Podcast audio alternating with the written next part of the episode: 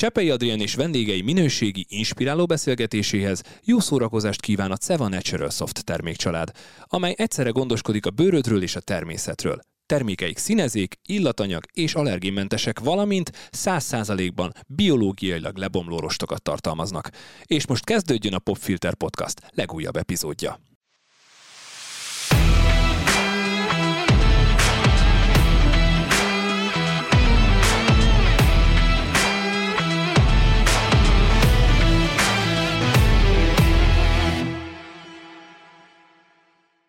Szeretettel köszöntöm a Popfilter hallgatóit és a VMN olvasóit. Én Csepei Adrien vagyok.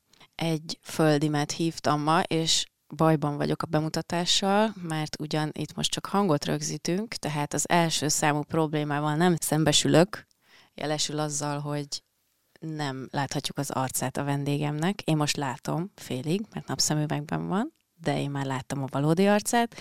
Egyébként viszont maszkban láthatja őt mindenki a videoklipekben, illetve a színpadon is. Másrészt meg most kicsit bajban vagyok, mert úgy tudom, hogy Pócsi Botond néven működsz, de valójában nem ez az eredeti neved, hanem Pócsi László. László Botond, igen.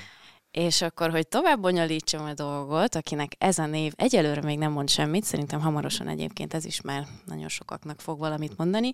A Hundred Scenes művész neved, az, az viszont azt gondolom, hogy az egyik leggyakrabban pörgő név most a magyar könnyűzenében. És aki még nem tudja, az majd menet közben meg fogja tudni, hogy mennyi olyan dal van, amit hallgatunk nap, mint akár a rádióban, akár a tévében találkozunk, vagy Youtube-on a klipjeiddel, és ez a te nevedhez kötődik.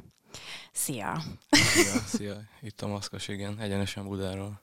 Itt a maszkos Budáról. Amikor meghívtalak, akkor az volt a, az első kérdésed, és ilyen nagyon őszinte megdöbbenést láttam az arcodon, hogy jó, de mi, mit, miről akarnál velem beszélgetni? Bennem nincsen semmi érdekes, ezt mondtad. Hát egy óra azért, azért ez sok, valamint egy annyi érdekesség nem hiszem, hogy van, de megpróbáljuk. Ez annyira furcsa, mert ha kellene most tényleg ilyen, ilyen hot topikot mondani magyar könyvzenéből, biztos, hogy a nem is tudom, ez az életmű az nyilván így viccesen hangzik, mert nagyon fiatal vagy, de hogy az a munkásság, amit te eddig felépítettél, szerintem az egészen biztos, hogy így a hot topikok között van ma a magyar könyvzenében. Szóval szerintem elég sok érdekes van veled kapcsolatban, és akkor még az emberről még mindig nem beszéltünk, de fogunk majd. Kezdjük ott, hogy földik vagyunk, ugye Tiszalök mellől származol. Most ezt próbálom belőni. Nálad mi a beazonosítási pont? Mert én például hiába mondom azt, hogy penyige, azt nem szokták tudni, a fehér gyarmatot már általában mm-hmm. igen. Nálad mi az igazodási pont? Hát, nekem úgy, hogy Tiszadob a, a pontos. Utána, hogyha azt nem tudják, akkor azt mondom, hogy Tiszajváros, és ha azt se tudják, akkor, akkor azt mondom, hogy Miskolc. Ez nagyon érdekes, hogy néha tényleg úgy érzem, mint ami nem is léteznénk ott a keleti és a keleti végekben. Neked szokott ilyen érzésed lenni? Hát lehet, lehet igazuk van egy picit. Amióta, amióta felköltöztem, azért teljesen megváltozott minden. Tehát, hogy ott, ott tényleg úgy éreztem, hogy, hogy, hogy nem vagyunk rajta a térképen. Uh-huh. Hát uh, igen, azért ott, hogyha valaki tehát nem, nem tudom nálatok, hogy működik, de szerintem ez nagyon hasonló, mert én is laktam mondjuk tiszalökiekkel, tiszadobiakkal kollégiumban, hogy az, az az alap, hogy középiskolában már el kell menned valahová a szülőfaludból, és kollégista vagy, hogyha mondjuk, nem tudom, nyelvet szeretnél, vagy tehát valami speciális szakra mész, és aztán, ha meg mondjuk ilyen speckó szakmát szeretnél, mint hogy producer legyél, vagy ilyesmi, akkor nagyon ritkán maradott az ember, ahol született. Viszont én meg pont ezen gondolkodok, hogy vissza kéne menni. Igen? Uh-huh, szerintem sokkal nyugisabb lenne. Most itt, uh... e- ezt elképzelem, hogy uh, azért most te egy nagyon erős bázist építettél magad köré, majd beszélünk arról, hogy ki mindenkivel dolgoztál együtt az elmúlt években. Hogy szerinted az egy, tehát hogy van olyan erős bázisod, hogy mennének oda az emberek akár hozzá stúdiózni, vagy azt mondani, hogy akkor csak meglátogatjuk botit? Szerintem ez lassan, lassan működne, mert nem, nem vagyok feltétlenül ide kötve Pesthez most már. Uh-huh. Tehát ugyanúgy ott is tudok dolgozni, csak ugye le kell, le kell hozni az előadókat vidékre. Hát ez egy Én nagyon... Ott bulira. Ott buli. Nagyon szép küldetés lenne. És egyébként ezen szerintem nagyon sokan gondolkozunk, akik valamelyik csücsökből származunk, hogy, hogy visszavinni azt, amit itt létrehoztunk, és akkor nyilván egy idő után sokkal könnyebb lenne ott bármit fenntartani, vagy alkotni, vagy ilyesmi. Érdekes, ezzel most megleptél. Nem gondoltam, hogy ezen szoktál gondolkodni. Azt gondoltam, hogy neked most kinyílt a világ, amióta Pesten élsz.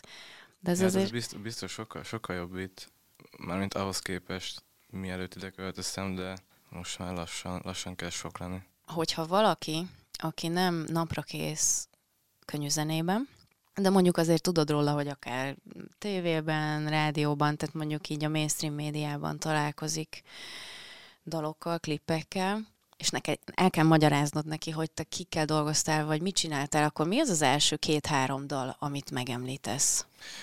Vagy előadó? Általában taxikba szokott előjönni, Igen? akkor el, el, el, próbálnak valahogy kommunikálni velem.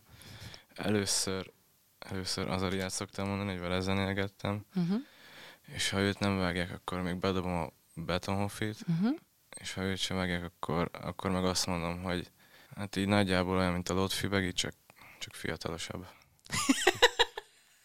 Ez csodálat. Ezt, ezt a Beginek át fogom küldeni, mert nem tudom, hogy mondtad de már neki, hogy, hogy így, de igen, tehát, hogy te egy nagyon sokféle ö, stílusban dolgozó producer vagy, ugyanakkor nagyon nagyon egyedi hangú, tehát szerintem felismerhető, hogy mi az, amit te producereltél, mi az, amiben te dolgozol, és igazából szerintem az is egy fontos kérdés, hogy hogyan azt tudom, hogy a dubstepből indultál, tehát a dubstep volt az, ami téged megfogott, de hogy lehet, hogy csak egyre több dolgod jelenik meg, és emiatt tűnik egyre szélesebbnek a spektrum, de mintha egyre inkább nyitnál más műfajok elé, tehát egyre szélesebb lenne ez, a, ez az olló. Igen, dubstep kezdtem, de már akkor is nyitott voltam minden stílus felé. Most meg inkább nem az van, hogy, hogy stílusok felé nyitok, hanem, hanem már így nem, nem, nem érdekelnek a stílusok, és így próbálok saját új stílusokat létrehozni. Mi az alap szerinted, ami, ami alapján így beazonosítható, hogy ez, ez te vagy, ez a saját stílus, ez miben gyökerezik? Hát ez abban gyökerezik, hogy, hogy elektronikus zenéből jövök, és ott a, a, az elektronikus zenészeknél alapkövetelmény, hogy, hogy sajátos hangzás kell.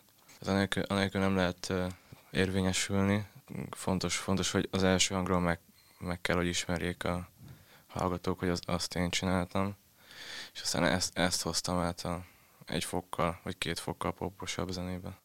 Amikor legutóbb találkoztunk, akkor a Budapest Park nagy színpadán voltunk mindketten, dolgoztunk, én hátul te a színpadon léptél fel, és ez egy nagyon-nagyon izgalmas felépés volt olyan szempontból, Azaria előzenekara voltál, ugye a saját zenekaroddal léptél fel, és hát nem tudom, végül megszámoltad, hogy hány közreműködővel jöttél? Igen, eh, 19 volt beírva, végül egy lepe- lebetegedett, úgyhogy 18 vendég volt, plusz a, plusz a három zenekari tag. Tehát ez ugye 18-19 ember, aki, akivel úgy dolgoztál együtt, hogy ő szöveget, dallamot, stb. írt a te zeneidre. Azért mondom ezt egy picit ilyen, hogy mondjam, szájbarágosan, mert szerintem nem mindenkinek világos az, de majd mindjárt ebbe belemegyünk, hogy mit csinál egy zenei producer. Mert az, hogy egy filmproducer mit csinál, azt nagyon sokan tudják, de annak ugye nincsen köze ahhoz, hogy mit csinál egy zenei producer. Tehát ezt úgy kell elképzelni, hogy te a zenészeiddel Budapest Park színpadán léptél fel, tehát itt te is vokódálrál, Igen, mikrofon van, m, tehát hogy hallottuk a hangodat is, az arcodat ott se láttuk, de hogy alapvetően te készíted a zenei alapokat, és ha jól értelmeztem eddig, akkor sok esetben nálad is veszik fel a zenészek azt, ami Igen, majd a- megjelenik. igen. Budapest Parkoshoz még annyit mondanék, hogy az, az kivételes eset volt, mert ott nem, nem minden zenét én csináltam, hanem meghívtunk vendégeket, és az ő zenéket adtuk Hm. elő. Körülbelül négy-öt ilyen zene volt. Viszont annyi, annyi mindent írtál már, hogy egyébként a teljes koncert kijönne, tehát egy rendes 75 perces koncert kijönne a te Ja, munkásságodból is. E, ugye Azaria előzenekara voltál, és vele nagyon régre nyúlik vissza a, a jó kapcsolat. Már a, ugye ez nagyon szórakoztató, hogy azt mondom, hogy nagyon régre, mert hogy alapvetően az övé is egy villámkarrier, ő is volt nálunk itt a, a popfilterben, és beszélgettünk arról, hogy, hogy mennyire gyorsan, mekkora rajongó tábort épített magának a zenében is, és nem csak youtuberként, és a te karriered most hol jársz, tíz év körülbelül, amióta elkezdtél zenélni? Igen, kb. De az, ami az átütő siker, az, az mit mondanál, két év, három év? Mm, Az első átütő siker az Attilával volt az ójel. Az két De- és fél évvel ezelőtt kb. Hát Szerintem, nem, most már három, Három? is van. Ó, És a- az egy, az egy nagyobb sláger volt, de hogy utána nem, nem történt különösebb nagyobb sláger, vagy nem, nem sikerült nagyobb slágert írni. Kb. egy ilyen két évig, aztán a, a legszebb lányal így elkezdett szépen lassan épülni.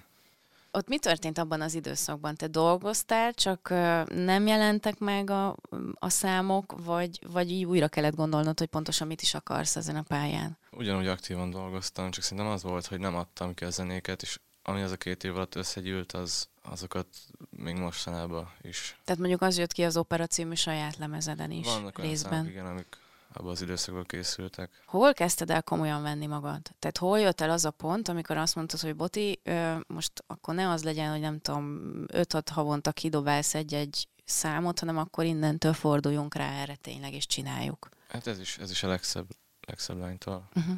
Onnan, onnan kezdődött szerintem, ami, és hát komolyan már a leg, leges legelejétől komolyan vettem magamat, csak a legszebb lánytól már mások is komolyan vettek engem. Ez egy nagyon fontos mondat, ezt több interjútban is elmondtad már, hogy eleinte nem nagyon tudták, hogy te ki vagy, meg mit akarsz, nem is feltétlenül vettek komolyan, amikor felkértél fitre előadókat.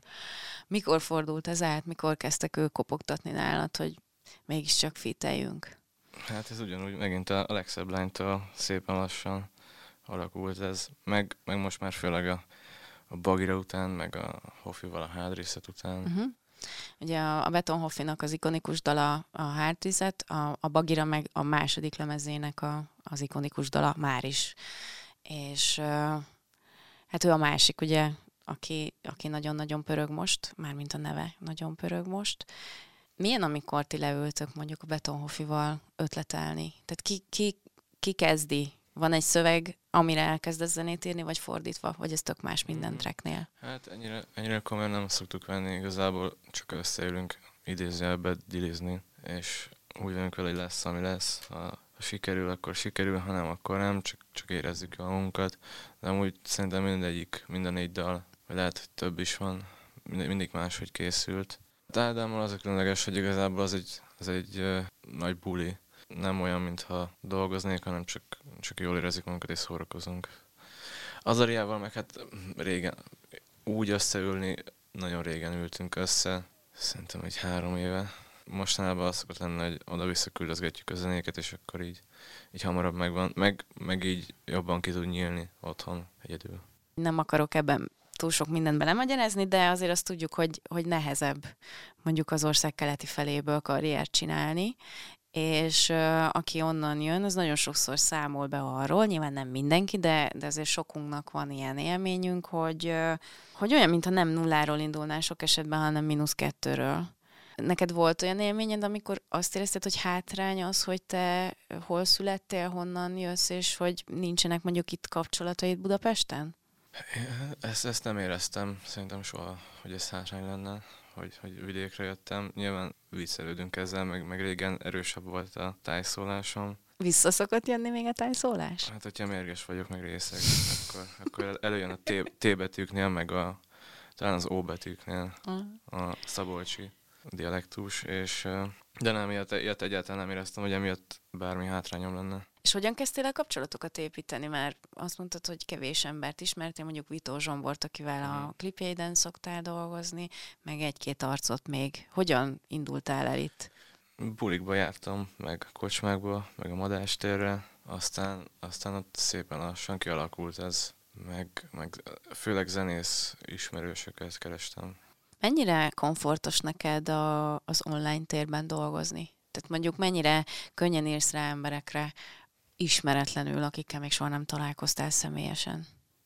Ja, hát ez, az nagyon könnyen megy. Általában az szokott lenni mostanában, hogy Spotify-on össze-vissza hallgatok magyar zenéket, és aki megtetszik, még abban a pillanatban ráírok Instagramon, hogy, hogy itt egy alap, vagy, vagy ő küldjön vokál. Szóval e- ez már nem, nem Uh-huh. semmilyen problémát.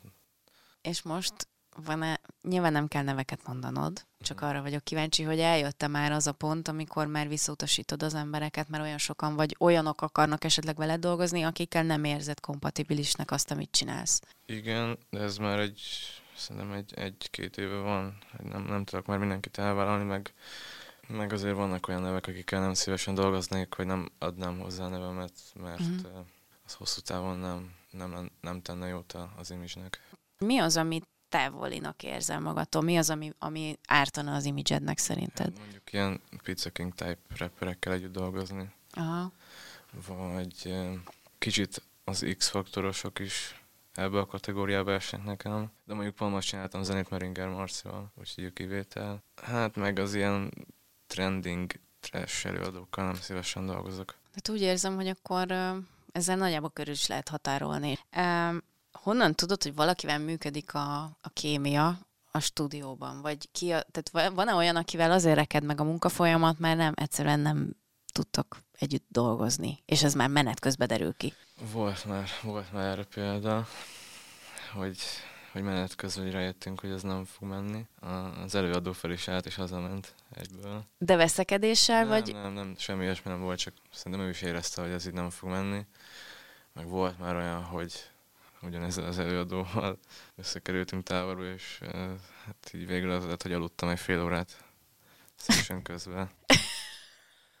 Bocsánat, ez, ez vicces. Ugye itt beszéltünk már az előző évadban a Kozmakatával és a, a Miramonokával arról, hogy mik ezek a dalszerzőtáborok, tehát itt gyakorlatilag néha összesorsolnak téged igen, igen. más alkotókat, tehát ez ez véletlenszerű. Mm, de a, megmaradt a jó viszony, vagy ez egy ilyen kínos feszengés? Ja, nem, hát nem, nem vagyunk rosszban, csak szerintem mindketten érezzük, hogy a stúdióban együtt nem működünk, de sem, semmi harag nincs meg. Aha. Te milyen vagy a stúdióban? Csöndes, fegyelmezett, már amikor tudok. De általában az, az szokott lenni a visszajelzés, hogy még banditól kaptam, kolibritől múltkor, hogy csináltuk a fús, és akkor őt ugrált, meg pattogott, meg örült a zenének, én meg, én meg teljesen így, mint a belennék feszülve, mozdulatlanul csináltam az egészet. Azt azért elmondom, hogy tényleg nem te vagy a legmozgékonyabb vendégem itt a stúdióban. De volt már nálam, aki nagyon szépeket mondott rólad, kifejezetten az, hogy milyen jó veled együtt dolgozni. Kitalálod, hogy ki volt? Nem az Azaria. Mármint, hogy az Azaria is szépeket mondott rólad, de hogy kifejezetten a stúdiós Csak nem a Márcs. De igen. Igen, aki, aki azt mondta, hogy nagyon-nagyon jó vele dolgozni, mert nagyon szupportív vagy, és hogy olyasmiket uh, hoztál ki belőle, amit, amit talán eddig még nem tudott megmutatni magából. Ez is egy pozitív feedback szokott lenni általában, hogy hát olyan stílusú zenéket írok általában az előadóknak, amik, amikre nem feltétlenül gondolná, hogy az működhet. Hogyha bárkit választhatnál, tényleg semmilyen, se anyagi, se földrajzi, se időbeli korlát nem lenne. Tehát hmm. akár már nem élő ö, énekes, reppert, előadót, bárkit választhatná, akkor ki, kinek írnál dalt, vagy kivel írnál dalt? Szerintem, szerintem Bilálissal elég jól működnénk.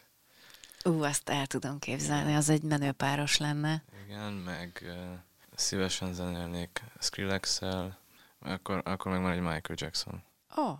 Na, arra kíváncsi lennék, hogy, arra én is kíváncsi lennék. Meg hogy mi jönne. De mondjuk mely korszak az, ami vonz téged? Vagy ha nincs ilyen korszak, akkor mi az, ami az ő művészetében megfog? Hát így nem, így nem tudnék mondani korszakot. Ne, ne, nekünk a Jackson az mindig szólt kocsiba, főleg amikor meghalt. A, uh-huh. tes, tesóm nagyon rá volt kattamva, és amikor, amikor még ilyen egy-két éves volt, és nem is tudta, hogy mi az, csak csak szerette, és mindig Michael Jackson-t kért a kocsiba, és akkor így megmaradt. Meg hát minden idők egyik legnagyobb előadója. Ilyen érdekes, hogy három teljesen eltérő karaktert mondtál, és, és zeneileg is azért elég távol állnak egymástól, ugye Billie Eilish, Michael Jackson. És a Skrillexet meg valahogy sejtettem, mert ő pedig, hát hogyha kell olyan producert mondani, aki, aki egy jelenség is, akkor biztos, hogy az elsők között jut szerintem eszünkbe a hm. Skrillex, mert hogy ő azért elég nagy személyi kultuszt is épített ma. Bár ugye ismerjük a um, ilyen urban legendeket, hogy ő nem is egy ember, hanem egy kollaboráció, meg minden. Igen, igen. Én is nemrég olvastam ezeket, hogy valószínűleg amúgy több ember És, de igazából az összes nagy, nagy producernél ez van, hogy, hogy ez nem, nem egy ember, hanem egy, egy elég nagy projekt több emberrel. Igen, egy kollektíva. Igen. Lehet, hogy te is több ember vagy már. Ez lehet, lehet, hogy vagyunk. Pár. Amúgy igen, vannak olyanok, hogy, hogy másnak odaadok bizonyos dolgokat, mert hogy jobban meg tudjuk csinálni, vagy egyszerűbb. És hogyha így nézzük, akkor igen, én is több ember vagyok, de 99%-ban én csinálok mindent. Uh-huh. Mit adsz ki szívesen? Mondjuk a mastert már szívesen kiadod? Nem, azt, azt még nem. Mondjuk most a plébániánál ki kellett adnom, és az jól is sült el, de legtöbbször az van, hogy a mastert azt nem tudják úgy megcsinálni, hogy én szeretném, a keverésre szeretem odaadni. Uh-huh. Inkább ilyen dalszerzős, hogy mondjuk kéne írni egy vokáldalamot, vagy, vagy egy szinti szólót. Van egy, egy barátom, akit meg szoktam kérni, vagy, vagy mondjuk hirtelen kell egy reklámzene, és nincs időm rá, akkor így vannak emberek, akiknek leszoktam passzolni ezeket. Aha. Ez jó, mert ez azt jelenti, hogy uh, tudsz priorizálni, meg, meg uh, nem vagy olyan mértékig control freak, hogy, hogy mindent te akarsz, és aztán pont emiatt... Ez most már nem is lehet mindent. Aha. Ugye arról beszéltünk, hogy Skrillex meg a karaktere, ez mindig egy örök kérdés egy producer esetében, hogy mennyire tolja magát előtérbe, és már ebben a kifejezésben is van egyfajta ilyen hogy mondjam, rossz, rossz mellékíz, hogy uh, már miért ne tolhatná előtérbe magát, tehát hogy ebben nincsen semmi rossz, meg nincsen semmi ilyen egoizmus, hanem az egész egyszerűen egy másfajta szerepkör, amikor valaki mondjuk a színpadon is megjelenik, mint producer, vagy a klipekben is jelen van, mint ahogy te ugye az Azariával közös trekkekben akár, Hol dölt ez el, vagy eldölte már egyáltalán, hogy milyen mértékig akarod megmutatni magad, és most nem az arcodra gondolok, mm. hanem önmagad, mint, mint Hundred Sins? Ezt pro- producer vagyok, zenei producer, de hogy ez a szakma ez általában úgy szokott lenni, hogy, hogy leírásban meg vagyunk említve valahol a legalján, és én ezt nem, nem tartom feltétlenül igazságosnak, főleg, hogy a zenék nagy részénél azért 90%-ban produceren múlik, hogy milyen lesz a végeredmény. És ezt meguntam, és most már, most már úgy szoktam csak, csak hát vannak kivételek, de hogy amiben én dolgozok, és benne van a saját hangzásom, az csak úgy kerülhet ki, hogyha a címbe is benne vagyok. Ez egy nagyon tiszteletre méltó dolog, hogy kimondod ezeket, mert hát mindenféle, és most nem menjünk addig vissza, hogy ki milyen mm, ilyen ghostwriterekkel, meg, meg tényleg így... Elég az is jó ilyen... téma. Igen, egyébként egyszer úgy elbeszélgetnék, a magyar zeneiparban szerintem különösen sok olyan dolgot ö, nem, nem tudnak, vagy nem illik róla beszélni, hogy... Ö... Hát igen, nem illik, nem illik, de az a baj, hogy, hogy lassan betelik az a pohár is, és szerintem itt az ideje de szerinted ez a, a te generációdnál kezd betelni tényleg a pohár, hogy nem minden az, aminek látszik a könyvzenében? Hát lehet, lehet, mi leszünk, mi leszünk azok, akik expo, expózolják a, az előző generáció nagy DJ-it vagy producereit, mert azért vannak bőven romlott almák. Ez nagyon érdekes, hogy az, amit mondasz, ez egy, ez egy valóban létező jelenség egyébként globálisan is, hogy ugye akár a jogdíjak tekintetében is, és mondjuk az említés, vagy az elismerés tekintetében is mennyire nem becsülik meg sok esetben azokat, akik létrehozzák a zenét. Tehát az egy nyilván az egy jó, kicsit olyan, és nem véletlenül hozok neked focis példát, hogy ez egy kicsit olyan, hogy nyilván a csatár lövi be a gólokat, és mindenki a, a csatárokat imádja a legjobban, de közben, hogyha nincsen ö, védelem, és nincsen középpálya, akkor semmi értelme az egésznek, akkor, akkor. Nem történik semmi, de hogy nyilván mégis mindenki azt tárolja, aki a legtöbb gólt szerzi. Igen, én tekerem a cigit, és ők szívják. Ez egy nagyon szép cím. Majd eldöntöm, hogy legyen -e ez a címe a beszélgetésnek. De valójában tényleg ez a helyzet, Igen. még ha nem is általánosan, és nem is mindig, meg mindenkivel, de hogy nagyon gyakran ez van. És szerintem ez, ez azért nem egy igazságos dolog, és akkor finoman fogalmaztam. Igen. Úgyhogy én, én nagyon üdvözlöm ezt a kezdeményezést, meg ezt a fajta változást, hogy egyre több producer működik önálló entitásként, és beszél az alkotási folyamatról, meg arról is, hogy, hogy mennyire becsülik meg a, a munkátokat. Milyen érzés volt a, a mondjuk a park, teltházas park előtt az Azaria előzenekaraként fellépni? Tehát ott, amikor te a mikrofonnal működsz, mint előadó, és mint handricins, és a saját számaidat látod, hogy mindenki erre tombol, ott nem tolódsz el egy kicsit az előadó irányába olyan értelemben, hogy ezen túl többet akarsz ebből. Ja, de hogy nem, hát inkább most már előadóként hivatkozok magamra, és ez idővel még inkább ebbe az irányba fog dőlni, mert most már lesznek olyan dalok is, amin én énekelek. És mennyire kényelmes hallanod magad? Úgy szoktam, hogy, hogy amikor felveszem, akkor nem hallgatom vissza, hanem már egyből rárakom az effekteket, hogy ne is kelljen hallani a rendes hangomat. Egy, egy interjút se, egy koncertvideót se, se Instagram sztorit nem, nem szoktam végignézni, vagy hogyha Instagram sztorikat kirakok, az is úgy szokott lenni, hogy, hogy így nem, nem nézek oda, csak a hangot figyelem, hogy hát, ha jó pillanat van a koncerttel. Őrület. Ilyen kellemetlen érzés. De mi azért már nem vagy tehát nyilván kíváncsi vagy magadra olyan értelemben, hogy tudod, hogy az, ez egy valid dolog, amit te létre akarsz hozni. De hogy, hogy úgy érzed, hogy lehetnél ilyenebb, olyanabb, amolyanabb, vagy mi van ennek a hátterében? Hmm, picit, picit az van, hogy azt látom, mintha az nem én lennék, de hogy, hogy mégis, és ilyen, van ez a Uncanny Valley, vagy nem jut eszembe, hogy amikor vala, hogy az, a robotoknál szokott előjönni, hogy, hogy nagyon hasonlít a, az emberre, de hogy mégse, és akkor van egy ilyen kellemetlen érzés, és akkor szerintem valami ilyesmi lehet, hogy, hogy magamat látom, de hogy igazából mégse, és egy, ez egy ilyen fura érzés. Aha.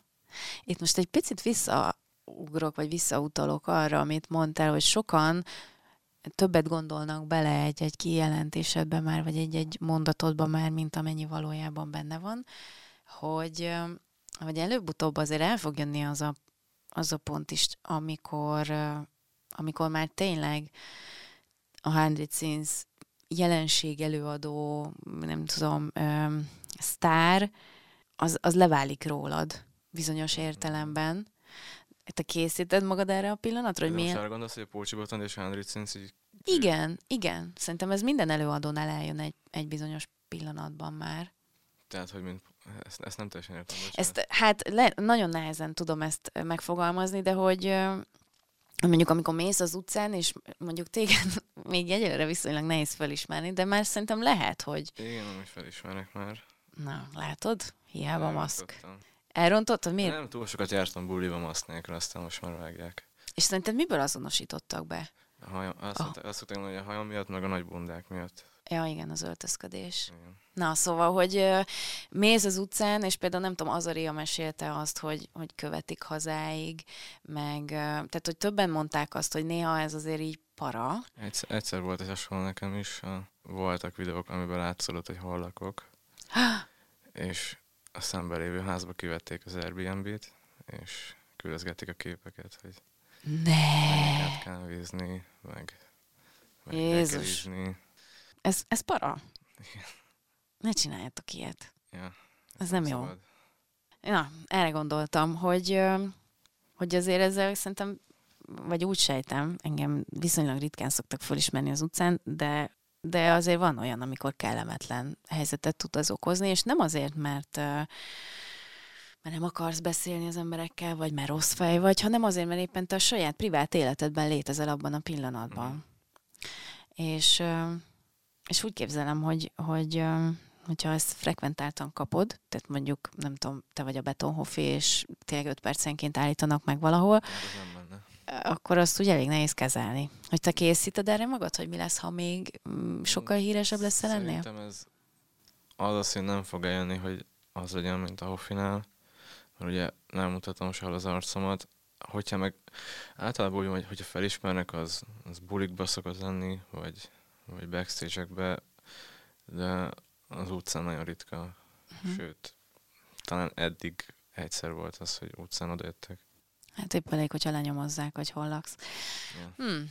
Na, akkor, ha már itt emlegettem a focit, azért volt a legegyszerűbb focis hasonlattal élni, mert hogy te magad is fociztál, sőt, ha jól tudom, te futbalistának is készültél. Hát Mondhatjuk, hogy annak készültem, de szerintem inkább a szüleim készültek azzal, hogy én focista leszek. Hát mondjuk az egy valós kitörési lehetőség nagyon sok ember számára, aki pláne a mi környékünkön, de ezek szerint nem voltál ennyire lelkes a labdarúgó pályafutásod iránt? Mm, nem, heti három-négy edzés, meg, meg meccsek, meg, meg a sportoló életmód, ez nem nekem való. Jobban szeretek a gép előtt ülni, zenélni. Uh-huh. A Vasasban? Voltam a Vasasban, a DVTK-ba, a Tabánba, meg a Tiszóivárosban. És uh, hol érezted a legjobban magad? Most itt nem kifejezetten arra a, gondolok, a Tabán hogy... volt szerintem legjobb. Aha. És miért? Hát, igazából a többi nem tetszett, azért, mert uh, úgy, úgy éreztem magam, mint egy, mint egy X-faktorban lennék, vagy nem tudom, mert annyira nagy hajtás volt, meg, mm meg nem foglalkoztak a gyerekekkel, csak próbálták mindenkiből a lehető legtöbbet kihozni. Hát igazából ezek akadémiák voltak, és, és ez volt a cél, hogy, a lehető legtöbbet kihozni a kisgyerekekből, úgyhogy közben meg azon kívül egyáltalán nem, mondjuk a vezetőséget nem érdekli, hogy, hogy mi van a gyerekekkel. Hát lehet, hogy az egész rendszer így épült fel, hogy az egész rendszert nem érdekli, hogy mi van a gyerekekkel. Neked a családod ott él még Tiszadobon? Hát most már össze-vissza. Össze-vissza? Laknak Tiszadobon, Nyíregyházán, Tiszolyvárosba, Svájcba, Cipruson. Wow, Szép. akkor ez tényleg össze-vissza. Igen. De szoktál hazajárni mondjuk Dobra vagy Nyíregyre? Hát évente kétszer maximum. Nem szoktam. Akkor még nem nagyon van olyan élményed, hogy milyen, amikor tehát, hogy milyen, az nyilván meg tudod mondani, hogy milyen érzés visszamenni, de hogy amikor te, mint már ismert producer hazamész. Hát ott osztálytársak főleg sztárként kezelnek, meg ezzel viccelődnek állandóan, de hát most, most már más így visszamenni. Igazából sztárként kezelnek ott. Ez jó leső érzés? Jó esik valahol, de az a baj, hogy valahogy mindig ez a téma, hogy én meséljek, hogy milyen, milyen idézőjelben a sztár élet. Aha. És közben te pedig kérdeznél inkább, vagy, vagy arra lennél kíváncsi, ja, hogy hát velük én, mi van? Én még én, én nem szoktam így magamat sztárnak érezni, vagy hogy, vagy, hogy erről beszélnem kéne hm. a, a régi ismerősöknek. Ez egy, az, azt szerintem egy fontos üzenet, hogy, hogy, hogy lehetsz hivatkozási alap a szülőhelyeden, vagy annak környékén, hogy azt tudják mondani, hogy tessék, itt van a boti is, nézd meg, hogy milyen sokra vitte. Uh-huh. Ja, hát büszkék, büszkék nyilván, mindenki büszke, meg hát gondolom, ők se gondolták volna, hogy hogy ez lesz belőlem. hogy ez lesz belőlem? Imádom, figyelj, annyira, annyira szórakoztató, amikor bejön ide valaki, akiről nyilván van egy előzetes képem, mint riporternek, és és nem, hogy igazolja azt, hogy egy, tényleg egy szerény, visszahúzódó sráccal fogok beszélgetni, de annak a sokadik hatványát érzem most, hogy, hogy de tényleg azt gondolod magadról, hogy benne nincs semmi érdekes, és közben nagyon érdekes személyiség vagy. Köszönöm. Most egy kicsit sajnálom, hogy erről nem készült videófelvétel, mert ez szerintem a szilveszteri adásnak ez lenne a nyitó Évvégi jelenete. Válogatás. Igen, még így is bekerülhetsz egyébként, ha, ha szerencséd van. Uh, milyen ez, amikor feloldódsz egy társaságban? Hát az olyan, hogy, hogy azt másnap megbánom. De mi? Várjál, hogyha már azt mondtad, hogy akkor előjön a tájszólásod is, amikor részeg Igen, vagy. előjön a tájszólásom, és nagyon sokat pofázok, és mindig én akarok beszélni, és központban akarok lenni, és elég gyakran még idegenekkel is eljátszom ezt, és ja, hát ezt másnap meg szoktam bánni. De várj, melyik részét bánod meg, hogy hülyeségeket mondasz, vagy az, hogy ennyire megnyílsz valakinek? Az, hogy elmentem egyáltalán. Most is, tegnap is úgy megbántam a tegnapit. De hát nem lehetett kihagyni, és most már azért próbálok odafigyelni. Valahol a kettő között. Jó, de azért nem csinálsz vállalhatatlan dolgokat. Hát annak, remélem. annak azért híre ment volna már a városban. Tehát a madástér azért elég sok mindenről tud mesélni, de nem hallottam vállalhatatlan sztorikat rólad. Aki tud, az írja meg üzenetben. De, de ez nagyon érdekes ez a kettőség benned, mert egyébként amikor a Budapest Park kifutóján lát téged valaki, ott egy kifejezetten nagyon energikus, bizonyos pontokon már csak a zene jellegéből adódóan is kifejezetten agresszívnek tűnsz, ilyen jó értelemben Mhm, agresszívnak.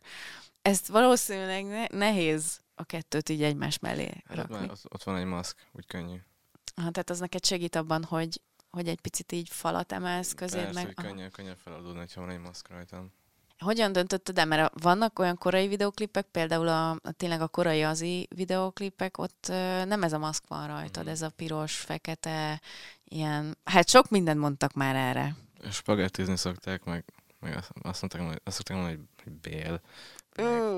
Mondanak mindent. Igen, darált hús, nekem azt is Igen, mondták az már. Is, az is darált. Meg hogy olyan, mintha ilyen férgek mászkálnának az arcodon. Igen, igen. Szép. De ez hogy, hogyan, tehát miért pont ez lett?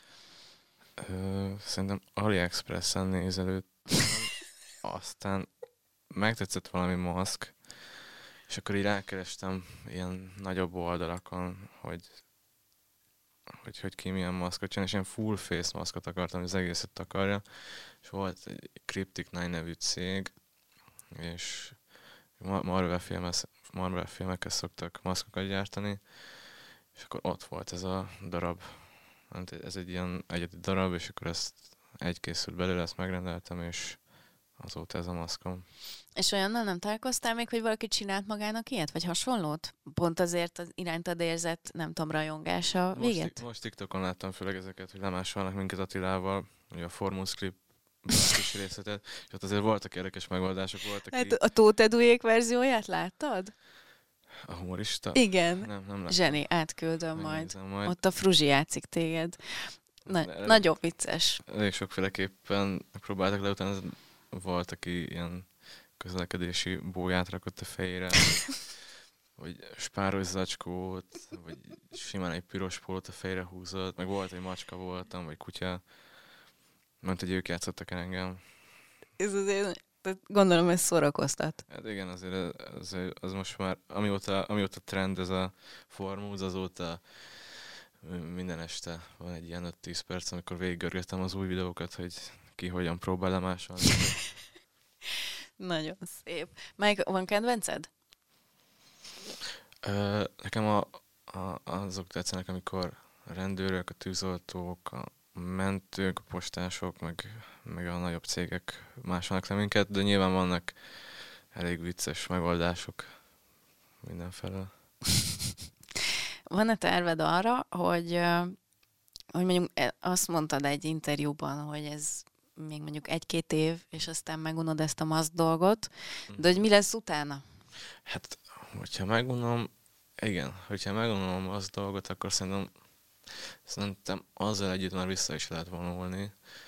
Vagy, hm, nagyon sokat gondolkozok, de szerintem még egy ilyen két, három, négy év van benne.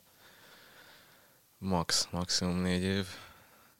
És utána meg, hát az, amit most is szeretnék, hogy elmegyek egy tanyára. Ciszával, mosómedvével, meg tyúkokkal, meg ilyen aranyos kis állat, mókus kutyákat is szeretnék, és akkor csillezek És ott alkotsz. tanyán, és akkor így a világtól elzárva, így kívülről nézem a világ végét. Ez jó terv. Igen. Szerintem ez egy szép terv. És ott közben mondjuk most, ha egyébként persze ezen nevetünk, meg, meg, meg akár tényleg poénra is lehet venni, de valójában nem annyira poén, hogy végig fogjuk nézni a világ végét. Ja, Tehát hát akár... ez nem vicc, mert hogy igen, viccelődünk, meg közben nevetünk, de nem vicc. Igen, hogy be, el, el tudod képzelni azt a helyzetet, hogy mondjuk tényleg azt tudnánk, hogy van még egy pár napunk hátra, ott élsz a kis tanyádon a mosómedvéddel, meg mókusoddal, meg nem tudom, hogy te mit csinálnál? Akkor azt mondanád, hogy most már tényleg szarok mindenre, csak érezzük jól magunkat, vagy azt mondanád, hogy én még meg akarom írni ezt, meg ezt, meg, meg még valamit akarok létrehozni. Mm, hát amit akartam létrehozni, vagy amit el akartam érni, az már sikerült, és ilyen, ilyen vágyak már nincsenek, hogy ezt meg, a, mondjuk van, van egy, az az, hogy a, a paplászlóba szeretnék egy ilyen nagy szimfonikus lezárást, az az egy van, és azon kívül semmi, de meg pont azt mondanám, hogy azt nem tudom elképzelni, hogy nem lesz világ vége.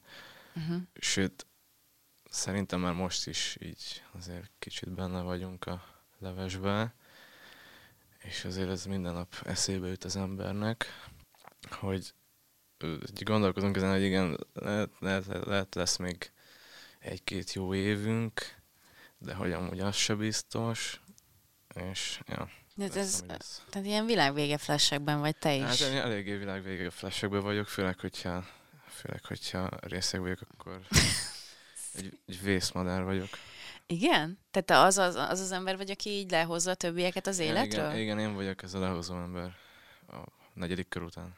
Ez érdekes, mert közben pedig van Amellett, hogy amúgy a, a dalai többségét nem mondanám kifejezetten vidámnak, nem azok. De azért nem mondanám érfelvágósnak sem a számaid Majd jelentős. az opera kettő. Az opera kettő az lesz? Az, az az lesz. Ez egy koncepció, vagy ez most így alakult, mert ebben vagy? Hát szerintem mindkettő. Mindkettő. Aha. Fú, na most aztán még kíváncsi vagyok. Meg az érdekel, hogy a, a bűn, mint olyan, az, az nagyon gyakran visszatér. Egyrészt a nevedben, másrészt ugye az egyik ikonikus Betonhoffi dalban is ez a uh-huh. száz kurva bűn, bocsánat, de ez így hangzik a dalszöveg. Szóval ez, és volt olyan terved is, hogy az, az első albumod az a hét főbűn köré épüljön, amit aztán elvetettél, de ez azért azt sugalja, hogy téged a bűn fogalma vagy gondolatisága az nagyon foglalkoztat. Ez, ez hon, honnan Ártatlan vagyok. Nem szoktam, nem szoktam rossz dolgokat. Hát nagyjából nem szoktam rossz dolgokat csinálni, de amúgy ártatlan vagyok, és nem, nem hiszem, hogy foglalkoztat, ezek pont így jöttek ki, hogy hát ugye ez a nevem, és abból jött a száz bűn is, meg a hétfő bűn is a nevemből jött. Igen, tehát, hogy te voltál előbb, utána jött a, a hard reset, Igen. az vagy reset, a Hajós András refrént idézve, aztán e, ebből jött, akkor tulajdonképpen tematikusan gondolkodsz. Igen, inkább ez, azért azt nem mondanám, hogy foglalkoztat a, a bűn témakör. Bár, hogyha ilyen világvége flashekben vagy, ki tudja, hogy mi lesz. Igen. Hát ilyen, ilyen Walking dead ilyen túlidősen kell majd élni, és akkor, akkor bűnözni fog mindenki. Hát, uh, ja. Nem, remélem nem, azért ennyire nem vagyok vészmadár, és lesz még mondjuk két hónapunk, ami jó. Nem, nem, több, több. Remélem több. De most egyébként pont nem, várjál, majd csütörtök van, amikor ezt rögzítjük. Két nappal ezelőtt volt egy kerekasztal beszélgetésünk a Hello VMN című rendezvényen, ahol a nyári Luca nagyon hasonló dolgokat mondott, mm. tehát, hogy sajnos azt kell, hogy mondjam, hogy nevetünk, nevetünk, de valójában szerintem ez egy végtelenül szomorú dolog, hogy ez, ez már nem egy olyan nagyon távoli jövő, vagy nem egy ilyen nem, hát- irreális... Hát, hát benne vagyunk félig, és uh, nem sok mindent tudunk csinálni. Benned is van egy olyan, uh, hogy is mondjam, dű, mint mondjuk, amit a Luca megfogalmazott a színpadon, hogy idősebb emberek, tehát valójában ti megszívtátok azt, ami, amit nem akartak az előző generációk tudomásul venni. Igen, van egy dű, de hogy szerintem ezt ők se tudták, hogy ez lesz, szerintem, mm. és nyilván lehet hibáztatni embereket, cégeket, kormányokat, de nem megyünk vele semmire. Úgyis az lesz, hogy mindenki megszívja. Aj, nagyon morbid kérdések jutnak az eszembe. Most, most tényleg, most például az jutott eszembe, hogy ha mondjuk most ne, ne egy ilyen aszteroidás jelenetet képzeljünk el. De, de én se, én se ilyenekből gondolkozok. De mondjuk, ha tudod, hogy még mit tudom én, van öt perced, és utána a vége a világnak, akkor mi, például melyik számot hallgatnád meg? Hát akkor már gondolom a himnuszt, vagy nem tudom. Nem tudnék, nem, nem tudnék így Én ünnepélyesen. Igen, akkor elindítanám a himnuszt, menjem végig, mondjuk egy ilyen lassított reverbes változatba, és akkor, akkor azzal így zárjuk a témát. Hozzá lehet szerinted nyúlni a himnuszhoz? Úgy értem, hogy szabad, tehát mondjuk szétvagdosnád, hangmintáznád, remixelnéd, tehát én úgy tudom, hogy ezt nem illik. Vagy ezt arra szokták mondani, hogy, hogy ezt nem szabad. De nem tudom, hogy tényleg nem szabad-e, vagy csak nem illik. Aha. De mondjuk így mozgatná a fantáziádat, hogy mit lehetne kezdeni vele? Nem, hát mondjuk bizt, hogy valami hip-hop számot biztos lehetne belőle csinálni, de még nem, nem gondolkoztam, hogy himnuszt remixelnék. No. Aztán volt valamilyen balhé tíz év, vagy Tiesto himnusz remixet felraktak, és akkor Tiesto-t savazták, pedig nem is ő csinálta. Hát volt már ugye ez többször is téma így a, az elmúlt 15-20 évben. Ez érdekes kérdés, mert az azért azt sugalja számomra, hogy ez lenne az utolsó dolog, hogy azért ennek van egy érzelmi töltete is, azon túl, hogy ugye ez a, a himnuszunk, és minden ünnepségen elénekeljük, meg hát gondolom, hogy, hogy sportolóként is van ennek, vagy egykori sportolóként is van ennek egy ilyen szép üzenete. Tehát az fontos, hogyha neked játszák a himnuszt, az, akkor elértél valamit. Ja, de hát nem vagyok ennyire hazafi, hogy én szeretem a himnuszt, csak picit olyan, mint a, a, az angoloknak a Bohém Rhapsódia, uh-huh. tehát, mhm. vagy nem tudom, tehát hogy azt, azt raknám, de inkább csak viccből, mert hogy lehet ki tudja beraknék egy, egy Betonfi számot, vagy ki tudja. helyzetfüggő. Na, és akkor, hogyha azt mondod, hogy a saját hangodat nem szereted hallgatni, uh-huh.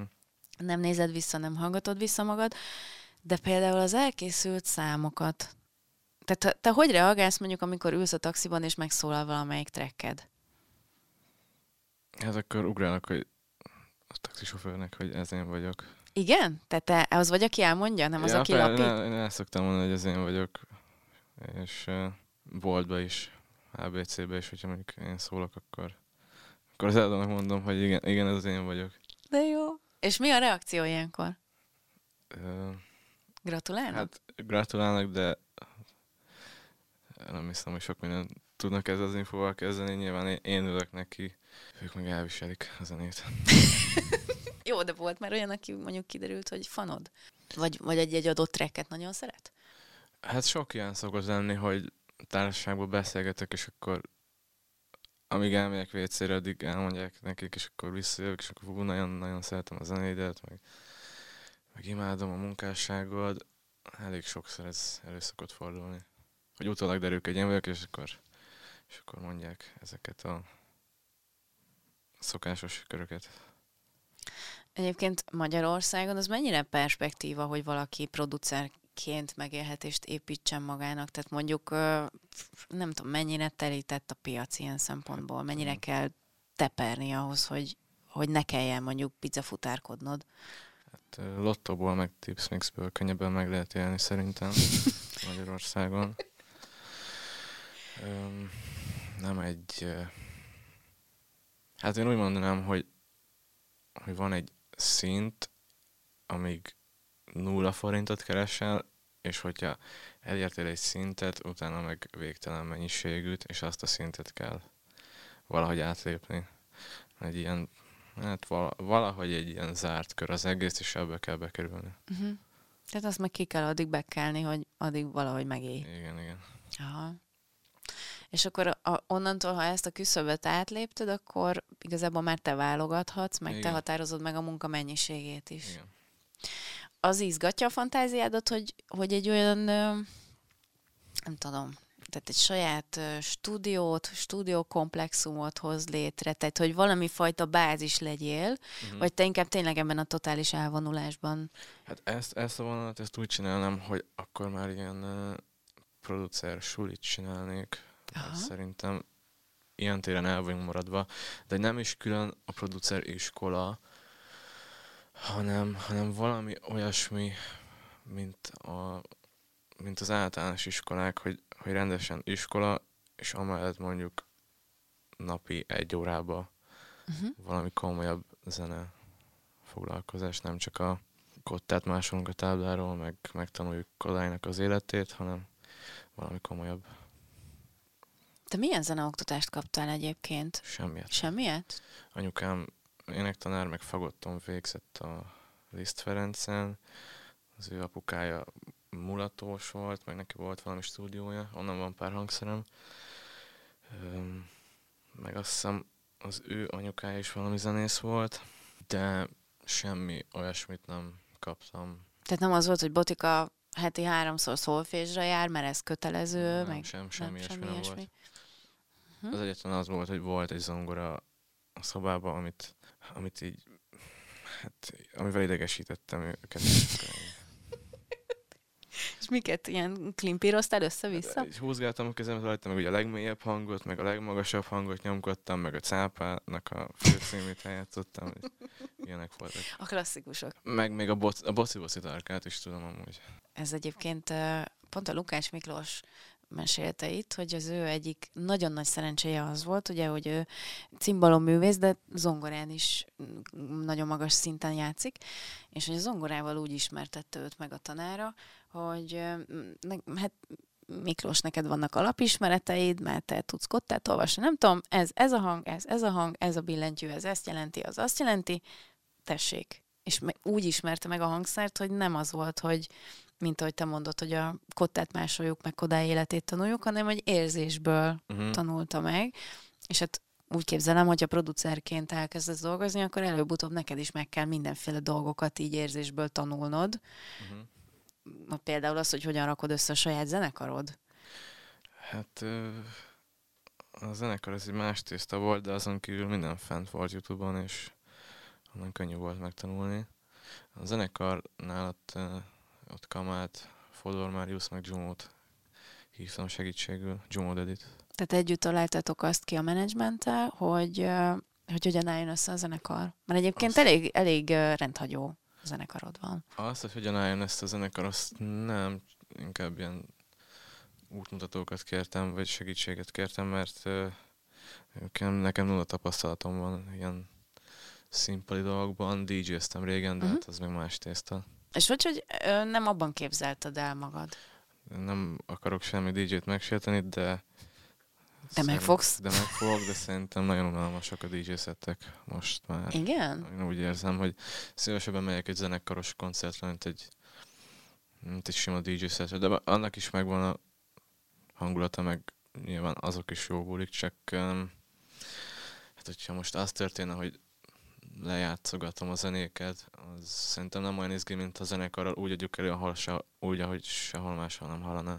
De például az a fajta, um, hát ugye ez már egy ilyen határeset, hogy valaki úgy DJ-zik, hogy a saját számaiból nem is live actet hoz létre, mert, mert nem, nem kütyükkel rakja ott a helyszínen össze mm. ezeket a dolgokat, hanem a saját trekjeiből amiket ő producerelt, összeállít egy műsort, és az DJ-ként adja elő, de közben van vizuál, van egy akár egy erős gondolatiság, ami megjelenik a kivetítőkön, meg akár a tracklistben, ez sem izgatott volna?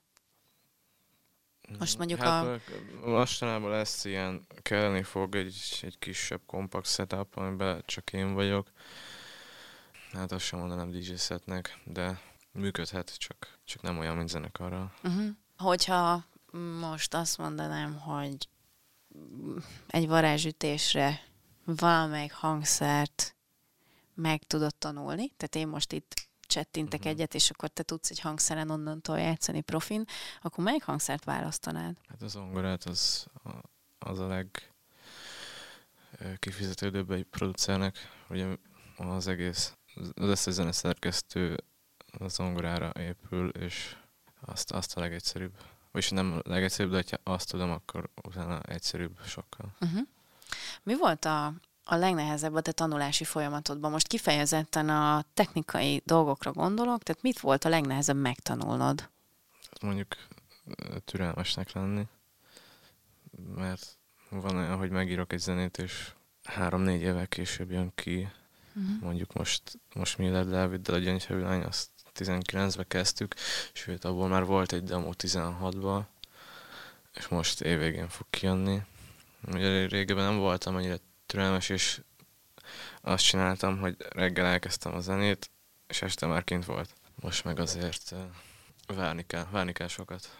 Hát igen, ugye a Soundcloudnak van egy ilyen, nem is tudom, hatása, hogy, hogy van egyfajta olyan azonnalisága, ami miatt nagyon izgalmas, de közben meg sokszor az az érzésem felhasználóként, hogy egyszerűen beláthatatlan, hogy mennyi zene jön nap, mint nap, amit, amit így nem, nem lehet nyomon követni, de közben pedig értem, hogy ehhez a tempóhoz viszonyítva az idegtépő lehet, hogy nem tudom, hónapokkal a megjelenés előtt már tudjál egy, egy tematikát, egy lemezborítót, meg ilyesmit, és majd csak akkor fog kijönni, amikor te már húszszor meguntad azt a, azt a projektet. Igen, hát általában ilyen fél éves késések vannak, de ezt azzal tudom kompenzálni, hogy, hogy, hogy bulikban, hát ilyen házi bulikban büszkén mutogatom hangszóróra a zenéket. Az unreleased dolgokat? Igen, igen, szoktam líkelni. Uh, Most a Hoffinak az albumát, vagy hát nem az albumát, hanem a közös számokat arra mutogattam, meg a Gyöngyhavilány, meg vannak ilyen szezonális klasszikusok. és e, ezekkel nem szoktak visszaélni? Ö, én úgy szoktam, hogy nem küldem el a linket, hanem én kapcsolom. Ha, de mondjuk nincs olyan, hogy valaki azonnal már rögzíti is telefonnal, és majd, vagy videózza. Ja, hát az, akkor a sztár még nem vagyok, hogy ilyeneket csinálnának. Na de most, ha meghallgatják ezt, Igen. akkor már mindenki úgy megy minden buliba, ahol ott vagy. Igen, de azért a, bagira, a bagira az elterjedt valahogy, valahogy kikerült, mielőtt kiadtuk volna, és volt olyan buliban, hogy ugye bementek vécére többen, és akkor már hallottam, hogy, hogy onnan szólt a bagira csibészkedés közben. De ez meg érdekes, mert igazából ez is tud produktív lenni, tehát most az, az jutott eszembe, hogy a... Hát ez is egy marketing stratégia, hogy Igen. a zenét véletlenül kirakjuk, Igen, hát ismerünk pár ilyen terjed. sztorit, a legnagyobbaktól is. meg most a Manueltől a zombi is ilyen volt szerintem. Igen. Ki az a producer, vagy előadó, akinek így szeretnél a stúdiójában légy lenni a falon, tehát látni, hogy ő hogyan dolgozik. Uh-huh. Itthon vagy külföldön? Bárki, bárki. Bárki. Hm. Hát akkor mondanám a Skrillexet nyilván, a Dead Mouse-nak a stúdiója is érdekel, a Noisia, csak ők már feloszlottak. Ja, ez a, ez a, hát mondjuk David Guetta-nak is megnéz, ott is lennék le így a falon. De vele kapcsolatban nem vagy egy kicsit szkeptikus? Azért őt nagyon sokan nekézik, hogy, hogy ő, ő túltolta ezt a, ezt a fajta előtérbe helyeződést. Nekem ő volt az első ilyen előadó vagy producer, akit hallgattam a kiskoromban, emlékszem, a korábban vettem a CD-ket, Mhm. és eh, hát egészhetik, de akkor is szeretni fogom. Meg azért már lassan, nem lassan, hát már 50 fölött van, és azért eh, neki valahogy mégis sikerült 15-20 éven keresztül a topon maradni. Ez ma nehezebb szerinted hosszú időn át a toppon maradni? Szerintem azért bőven, bőven rövidebb ideig vannak a topon az előadók, mint régebben. De lehet, hogy gyorsabban is lehet befutni, mondjuk mióta van YouTube, meg social media, nem? Igen, de arra meg azt szoktam mondani, hogy minél gyorsabban fut be valaki, annál gyorsabban tűnik is el. Aha. De nyilván vannak kivételek biztos. Most gondolkozom egyébként, hogy Mondjuk az Úgy. Attilát mondanám, hogy gyorsan futott be, és szerintem ő maradni fog sokáig. mármint az Azariát. Igen. igen. Hát igen, ő is mondta, hogy tulajdonképpen, ráadásul neki pont úgy indult a karrierje, hogy abban a Covid időszak is benne volt, tehát ő gyakorlatilag ilyen nagy koncertekkel indult élőben, és hát ugye azért az, az, az valószínűleg így tehát, hogy ahhoz azért kell alkalmazkodnod lelkileg, mentálisan, meg minden, minden tekintetben, hogy hirtelen ekkora sikered van. Igen. Kimaradt, kimaradt pár lépcsőfok. De ez nem biztos, hogy baj. Ja, nem is úgy mondom, hogy baj, nem. de Te hogy érzed a saját életed tekintetében, hogy te így a, ö, fokozatosan tudtál alkalmazkodni, megépítkezni, vagy mondjuk volt olyan, ahol nagy ugrás jött? hát most a bagiráig szépen lassan mentek fölfele a számok, de most a bagira óta úgy néznek ki a grafikonok, mintha megcserélték volna a tengelyeket. Hmm. És most már, most már nem ez a, most már nem lehet rámondani, hogy szép, tudatos, lassú építkezés, hanem, hanem ez most nagyot robbant. Hát ugye itt az a óhatatlanul is a következő kérdés, hogy, hogy van-e képben olyan, vagy van-e már stúdióban, vagy akár nem tudom, keverés alatt olyasmi, ami hasonlóan nagy dobás tud lenni, mint a, mint a Bagira, a Betonhoffinak. A, ugye most a, a Playbania az a Betonhoffi második album, ami most jelent meg. Uh-huh. Hát a Bagránál se terveztük azt, hogy ez most egy áttörő sláger lesz, és most se tudok így mondani előre, hogy, hogy melyik szám, számom lesz sláger. És nyilván van egy-kettő, a Gyöngyhelyű lánytól amúgy sokat várok, az elég régóta be van készítve. Holnap jön a Tisza videoklipje, attól is sokat várok. Mm, és hát nem várok semmit, de úgy számolok, hogy azért menni fog. És hát azért azt nem, nem szabad abba a hibába belesni, hogy akkor most minden számot, minden számtól azt várom, mint a Bagirától, hogy, hogy az egész ország tudni fogja egy héten belül a szöveget. Mm, az ON-nél volt még egy ilyen, hogy egy ilyen nagyon magas pík volt a statisz- a statisztikában, aztán szépen lassan visszaesett. De ki tudja, lehet, lehet, hogy a Bagira lesz életem vége a legnagyobb slágerem. Ez is benne van. Van-e olyan dal, amit, és most ö, nem kérem, hogy mond, mondd el a címét, vagy mondj egy előadót, de hogy így van-e, van, van-e olyan dal, amihez így nem lenne egyszerűen derogálna hozzányúlni? Tehát mondjuk nem készítenél soha belőle feldolgozást, mert nem, nincs hozzá gusztusod mondjuk. Mhm. Hát most az első, ami eszembe ugrik, és nem biztos, hogy jó példa, az a Destel a kukás autó. Az, abban nem nyúlnék bele szívesen, mert az szerintem úgy tökéletes, hogy elkészült meg az az ő száma. Na, tehát azt, hogy úgy éreznéd, hogy ez az... hogy nem, nem akarsz belerondítani. Igen, az, De és az, olyan, én ezt most úgy is értettem, ezt a kérdést, hogy olyan, ami viszont neked így nem, tehát hogy úgy érzed, hogy ez nem a te szinted, és ez rossz értelemben. Tehát mondjuk annyira trash, vagy annyira gáz, vagy valami.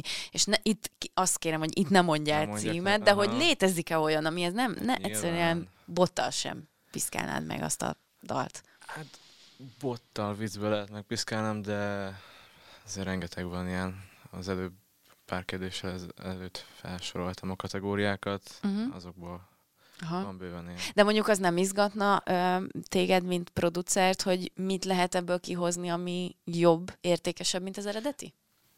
Ö, Most volt egy ehhez kapcsolódó sztori pár napja, hogy egy ilyen kategóriájú előadóval le volt beszélve egy zene, hogy közösen zenélünk, és én is vízből vállaltam el meg, hogy meg milyen vicces lenne, hogyha vele zenélek, aztán, aztán kaptam, kaptuk a hívást, hogy, hogy nem fog velem dolgozni, mert uh, producere megsértődött, és, uh, és ha velem dolgozik, akkor vele nem fog. Vagy vele nem, Wow. fog, nem dolgozhat. Hát már ellenségeid is vannak. igen, igen. Ez már az igazi nagyság jele, amikor már alát pakolnak. Próbálnak, próbálkoznak, de úgyse fog menni. Ez a végszó, Boti. Ez egy milyen jó végszó. Próbálkoznak, de úgyse fog menni. Igen. Na, nagyon szépen köszönöm, hogy, hogy eljöttél, és ilyen, hogy is mondjam, a saját személyiséged ellenébe, vagy ellenében ennyire nyíltan válaszolgattál nekem. Már most nagyon sok mindent megtudtunk rólad, amit eddig nem árultál el, vagy nem így árultál el magadról. Elmondtam a titkokat. Hát az, lehet, hogy most még józan voltál, de lehet, hogy holnap ezt is megbánod, hogy mi, mi Ja, mindent. hát ez, ez biztos nem fogom visszahallgatni, majd, majd a többiektől kapom az elszólások, vagy többiektől fogom hallgatni az elszólásokat. Mint például a rekordélnél volt a, a nem megyek a kávéba boltér, valami ilyesmi volt. Aztán azóta azt hallgatom. Ez... De milyen figyelmesek, és így nagyon cukik lehetnek, leülnek, és így jegyzetelik, hogy te Igen, mit, mit igen, mondasz ilyen jó félre. barátaim vannak. Nem baj. Üzenem a barátaidnak, hogy én, én nagyon örülök, hogy, hogy ilyen sokat lehetett itt beszélgetni, és ne cinkeljétek a botit, mert végre beszél magáról is, és megnyílt. Köszönöm, hogy itt voltál. Várja, azt kívánom, mert szoktam mondani jó kívánságot is, hogyha lesz majd egy uh, ilyen kis házad, mosómedvével, kutyával, macskával, papagájjal, akármivel, akkor majd egyszer hadd menjek le meglátogatni téged. Lehet, hogy már valamilyen terepjáróval megyek a világ végén. Jó, fel vagy ébra, plusz egy ilyen. Köszönöm. Hello. Viszont hallásra.